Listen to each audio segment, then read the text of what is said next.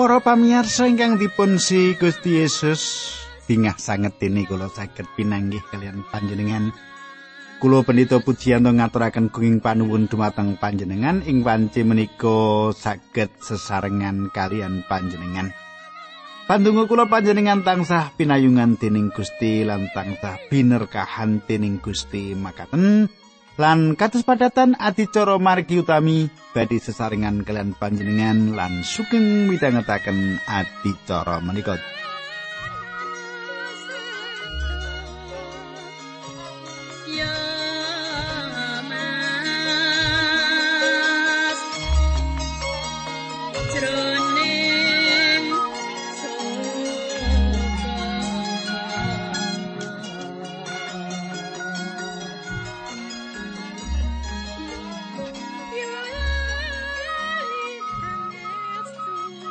Kateng kula ingkang kula tresnani napa panjenengan tasih kemutan menapa ingkang kula aturaken duk nalika pinanggih kepengker menika? Kita sampun nyemak nalika kepengker kados pundi para pemimpin agama saking griya ibadah lumawan Paulus lan Barnabas. Kita kemutan? Nah, kita badhe lajengaken nanging saderengipun dipun lajengaken monggo kita ndedonga ning sadereng ndedonga kula badhe ngaturaken salam rumiyin. Dumateng Bapak Sakaria Suyadi. Sakaria Suyadi saking Pegadingan. Nggih. Pak Sakaria, kados pundi pawartosipun nggih? Sae-sae to nggih. Nah, kata kula monggo kita tumungkul kita ndedonga sesarengan. Duh Kanjeng Rama ingkang ade dampar wonten kraton ing kasuwargan, kawula ngaturaken gunging panuwun Menawi wekdal menika kawula saged tetunggilan kalian sedherek-sedherek kawula lan kawula nyuwun supados Gusti berkahi adicara menika supados adicara menika saged dados kegiatan lan berkah kangge sanak kadang kawula. Dinambaran asmanipun Gusti Yesus Kristus kawula tetunggal haleluya amin.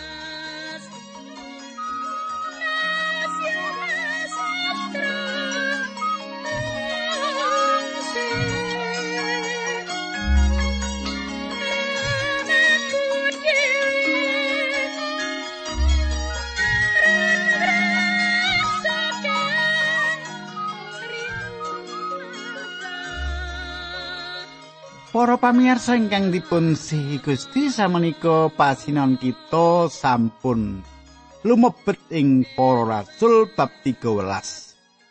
Ayatipun kawan dosa 6 kula badhe maosaken mangke ayat kawan dosa 6 ngantos patang puluh songo nggih kawan dosa songo makaten suratipun. Nanging Rasul Paulus dan Barnabas senggone sesorah malah saya kendel lan kondo mengkini. Pangandikanipun Gusti Allah menika ingkang rumiyin piyambak pancen kawartosaken dhateng panjenengan. Nanging sarening panjenengan sami nampik pangandikan wau lan rumaos mboten pantes nampeni gesang langgeng menika mila panjenengan sami kula tilar lan kula badhe murugi bangsa sanes ingkang sami mboten wanuh dhateng Gusti Allah. Sebab dawuhipun pangeran dhateng kula makaten kowe wis ndak tetepake dadi pepadang tumrap bangsa-bangsa sing ora wanuh marang Gusti Allah. Supaya kowe dadi marganing keselamatan tumrap para umat kabeh. Wong-wong dudu Yahudi sing padha krungu temungi para rasul mengkono mau padha bungah-bungah lan padha ngluhurake pangandikaning pangeran. Wong-wong sing pancen wis ditemtokake tanpa urip langgeng muli iya padha pracaya. Pangandikaning Gusti Allah sumebar tekan ngendi-endi rata satanah kono kabeh. Para pamirsa, panjenengan gatosaken. Awit tiang Yahudi nampik Injil ingkang dipun wartosaken pramila Paulus lan Barnabas. Ngedum kabar sae menika. Ngedum pawartos kabingan menika dumateng tiang ingkang boten Yahudi. Lajeng ayat seket ngantos seket kalih. Makaten. Nanging wong-wong Yahudi padha ngojo-ojoi para panggedene kutha kono lan para wong wadon dudu Yahudi sing kajen ana ing masyarakat sarta sing padha manjing agama Yahudi supaya padha nganiaya marang Rasul Paulus lan Barnabas sarta nundung para rasul mau metu saka tanah. Kulo mandek mriki riyin para rasul kala wau dipun tundung saking daerah mliku. Para rasul dipeksa nilaraken kita menika. ayat seket setunggal ngantos seket kali. Para rasul nuli ngetapake bleduk sing ana ing sikile ana ing ngarepe wong akeh mau sarta lunga menyang kutha Ikonium. Nanging para murid sing ana ing kutha Antioquia kono padha bungah banget lan padha kapenuhaning Roh Suci. Kateng kula ingkang kula tresnani panjenengan gatosaken kahanan tiang-tiang ingkang mertobat. Tiang-tiang kala wau kapenuhan kanthi kabingahan lan Roh Suci. Selajengipun kateng kula kita lumebet ing kitab Para Rasul bab 18 wonten ing pasal menika Paulus lan Barnabas ngadepi daerah pamujan Braholo. Daerah ingkang manembah Braholo ingkang meh mboten saged dipun lebeti. Tiang daerah Galatia satunggalipun lahan misi ingkang awrat ingkang nate dipun lebeti Paulus. Kitab Galatia satunggalipun serat ingkang awrat sanget, paling awrat ingkang nate dipun tulis Paulus. Piyambakipun nyerat dumateng sak golongan tiang ingkang ngraosaken kabutuhan kasukman lan wontening arah ingkang lepat. Tiang-tiang kalau terus-terusan medal saking margi. Paulus ngrawuhi langkung kathah pesamaning Galatia tinimbang pasaman-pasaman ingkang sanes. Kadang kula ingkang kula tresnani. Taler ingkang wonten ing Galatia inggih menika taler ingkang remen perang lan wonten ing wekdal ingkang cekak dados bangsa ingkang mapan ing Asia Alit. Ing taun 189 saderengipun Kristus. Tiang-tiang kalawau kabawah pangayoman kekasiaran Rom lan dados sawijining provinsi. Tiang-tiang kala wau tansah cepengan adat istiadat lan basanipun. Gereja-gereja ingkang dipunedekaken Paulus wonten ing lumampah ngelaraken Injil ingkang kawitan ing satunggalipun diwten wonten ing salebeting wilayah Galatia menika. Dados menika inggih menika nami ingkang saged dipun paringaken Paulus dumateng pasamuan pasuan menika. Paulus nyerat dumateng pasaman menika kanthi seratan ingkang keras lan panci tiang-tiang menika mbetahaken serat ingkang kados makaten menika kadang kula.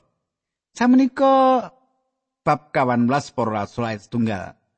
Makaten surasipun pengalamane para rasul ana ing kutha Ikonium ora beda karo nalika ana ing kutha Antioquia Ana ing kutha Ikonium Rasul Paulus lan Barnabas uga padha mlebu ing sinagoge sarta martakake pangandikane Gusti Allah nganti akeh wong-wong Yahudi lan wong-wong dudu Yahudi sing padha percaya.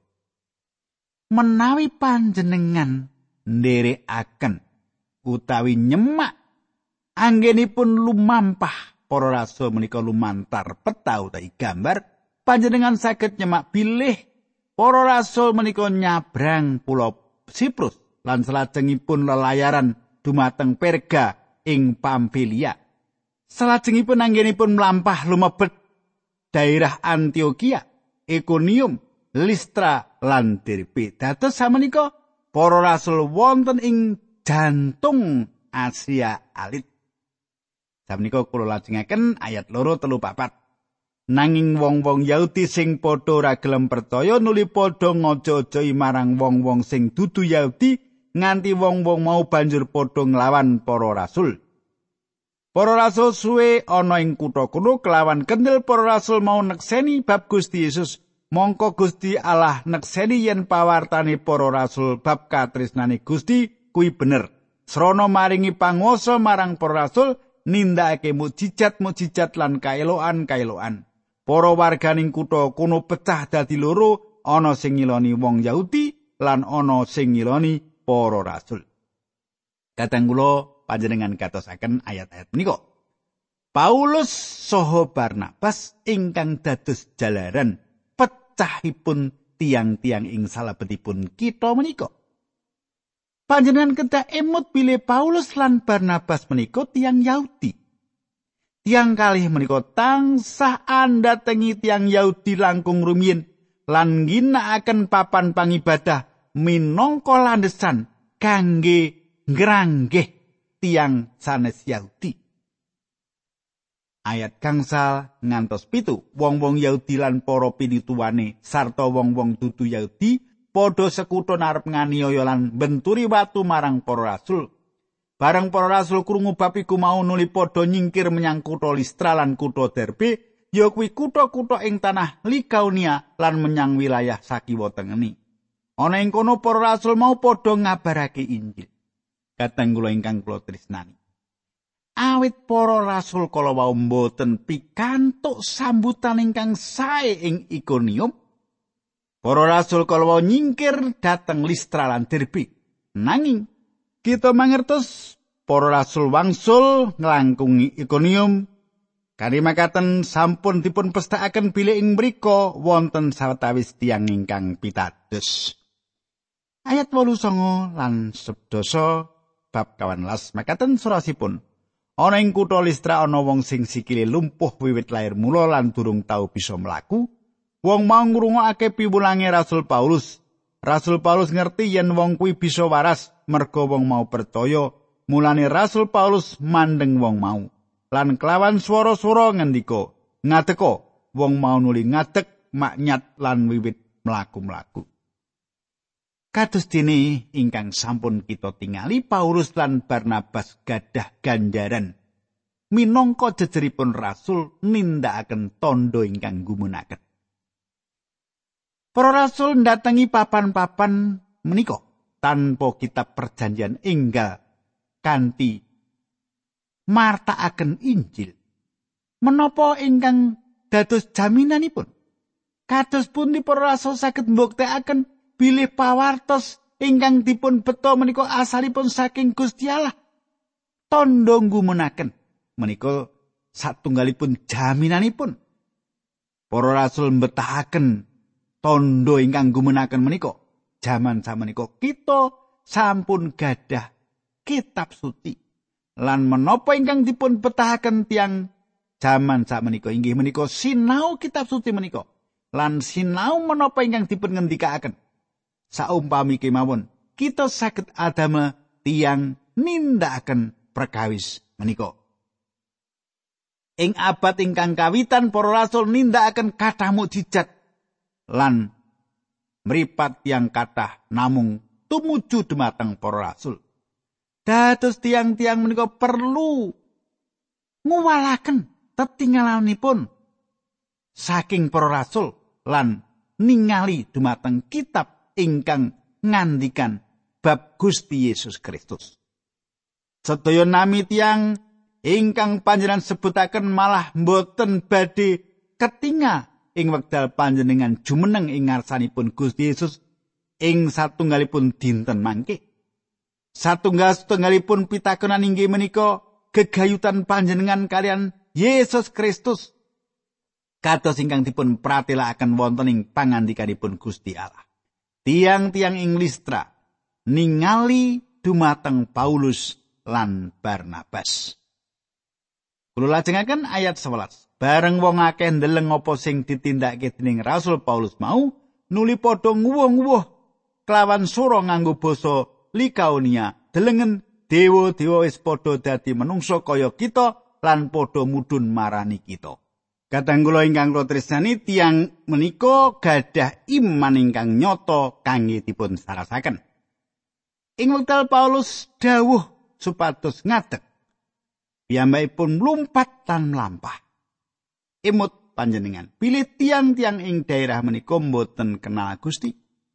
Tiang-tiang ingkang manembah dumateng Brahala.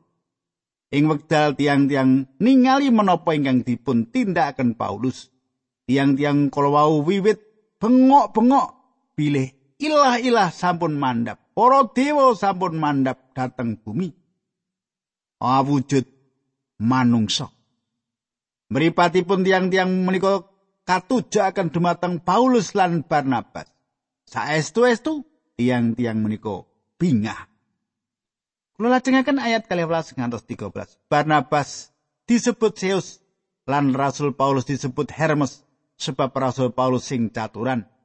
Imami Dewosius sing kuwile ana ing sanjabane kutha teka nggawa sapi-sapi lan kekembangan ana ing gapuraning kutha. Imam lan wong akeh kuwi arep padha nyaosake kurban marang para rasul mau. Kateng kula ingkang kula tresnani Paulus menika pemimpinipun tim juru wicara utami lan tiyang kepengin ngangkat para rasul menika dados dewa. Tiang-tiang kala wau beto karangan bunga, beto kembang-kembang lan beto korban obaran lan siap manembah para rasul menika. Lelampahan ingkang sami ugi saged dipun tindakaken tiang-tiang ingkang pendamelanipun khotbah. Tiang saged kemawon ngotbahaken pangandikanipun Allah. Lan saben tiang saged sanjang bilih piyambakipun menika satunggalipun pengkhotbah ingkang ngidapi-dapi. Saged kemawon. Nah, samenika kita lajengaken ayat 16 kang 11 16 nggih. Barang Barnabas lan Paulus padha krungu apa sing arep ditindakake dening wong-wong mau, banjur padha nolak srana nyuwek-nyuwek sandengane sarta mlayu marani wong akeh mau karo nguwuh. King menapa panjenengan sami tumindak mekaten para sederek? Kula rak manungsa limrah. Mboten beda kalian panjenengan sedaya. Datang kula mriki badhe ngabaraken Injil supados panjenengan sami katuntuno nilal brahara-brahara ingkang boten nyata menika sarta mratobat dhateng Gusti Allah ingkang gesang ingkang nitahaken langit lan bumi seganten lan saisinipun sedaya ing jaman ingkang sampun kepengker Gusti Allah ngendelaken kemawon para bangsa sami mlampah ngambah marginipun piyambak-piyambak Kadang kula Paulus dan Barnabas leres-leres kaget. Panjenengan emot bile Petrus kedah sanjang perkawis ingkang sami dumateng Cornelius ing wekdal Cornelius sujud ing ngarsanipun, sujud ing ngajengipun kangge nyembah.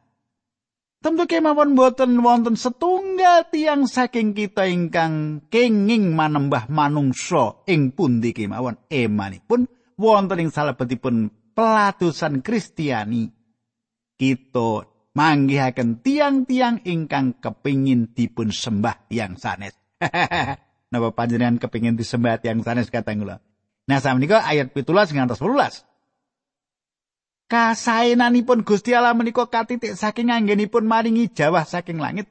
Sarta panen miturut mangsanipun panjenenganipun maringi tedo dateng panjenengan lan maringi kabingan dateng manah panjenengan.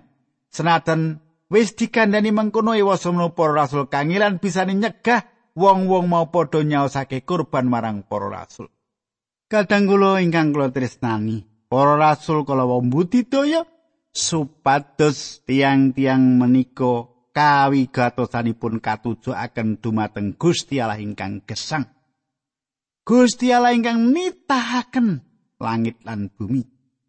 Para rasul kepingin supados tiang-tiang menika nebi reca-reca brahala lan ugi dongeng-dongeng saking Yunani. ayat 19 kula lajengaken ana wong Yahudi sawetara sing padha teka saka kutha Antioquia ing tanah Pisidia uga saka kutha Iconium. Padha ngojo-ojoki wong akeh mau supaya ngiloni wong-wong mau. Rasul Paulus nuli padha dibenturi watu lan diseret digawa metu saka kutha awet dikira Rasul mau wis mati. Kateng kula kados menapa ngumunaken perkawis menika. Tiang-tiang ingkang boten jejeg setunggal dinten tiang-tiang wau manembah Paulus dan Barnabas kados dene dewa injingipun tiang-tiang kala wau ngerajam Paulus ngantos mati tiang-tiang kala wau ngerajam Paulus lan nyeret dhateng sak jawinipun kutha lan dipun kira menawi Paulus menika sampun pecah. Nanging menapa saestu itu pecah? Kulo pikir piyambakipun pancen sampun mati. Sampun pecah. Dinten serajengipun Paulus nyerat kegayutan pengalamanipun menika. Aku wano karo sawijining wong Kristen 14 tahun kepungkur wong mau diangkat menyang swarga sing dhuwur dewi. Aku ora ngerti kuwi mau kelakon temenan apa mung sawijining tertinggalan Gusti Allah sing pirsa. Ndak amali maneh aku weruh wong mau diangkat menyang ing Pirdus, mbuh kuwi mau temenan apa mung sawijining tetinggalan Gusti Allah sing pirsa. Ana ing kono wong mau krungu swara-swara sing ora kena diucapake nganggo tembunge manungsa lan ora kena dikandhaki.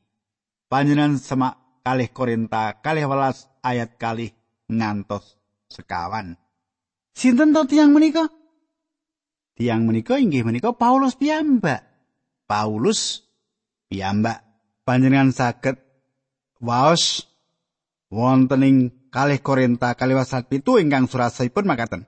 Supaya aku aja dadi gumunggung merga pengalaman sing elok mau, aku diparingi lara dening Gusti Allah ning awakku sing dadi pirantine iblis kanggo ngantemi aku lan nyegah supaya aku aja gumunggung. Katang kula kula gagas tiang kathah menika mboten badhe ninggalaken wonten ing kahanan ingkang setengah mati. Kula gagas tiang-tiang menika ninggalaken nilaraken wonten ing kahanan setengah mati. Kula pitados bilih Gusti Allah ngwungakaken malih Paulus menika saking pati. Katang kula kenging menapa Gusti Allah ngidinaken Paulus dipun rajam kados makaten. Ing serat Galatia 6 ayat 7 ngandikaken dumateng kita makaten. Aja ngapusi awake dhewe Gusti Allah ora kena digawe geguyon saben wong bakal ngunduh apa sing disebar. Kadang kula Paulus wungunipun ngeneni menapa ingkang sampun dipun sebar. Dipun sebar piyambakipun. Piyambakipun sampun perintah supados ngrajam Stefanus. Saketuki tiang badhe lumawan pemanggih menika awit piyambakipun sakmenika sampun mertobat. Inggih. Nanging malah sasampunipun mertobat kita badhe ngeneni menapa ingkang kita sebar.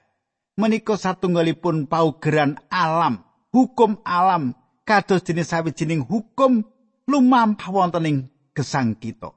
Kita badhe ngeneni menapa ingkang kita sebar. Awit awit Saulus menika nderek cawe-cawe wonten ing salebetipun Stefanus dipun rajam.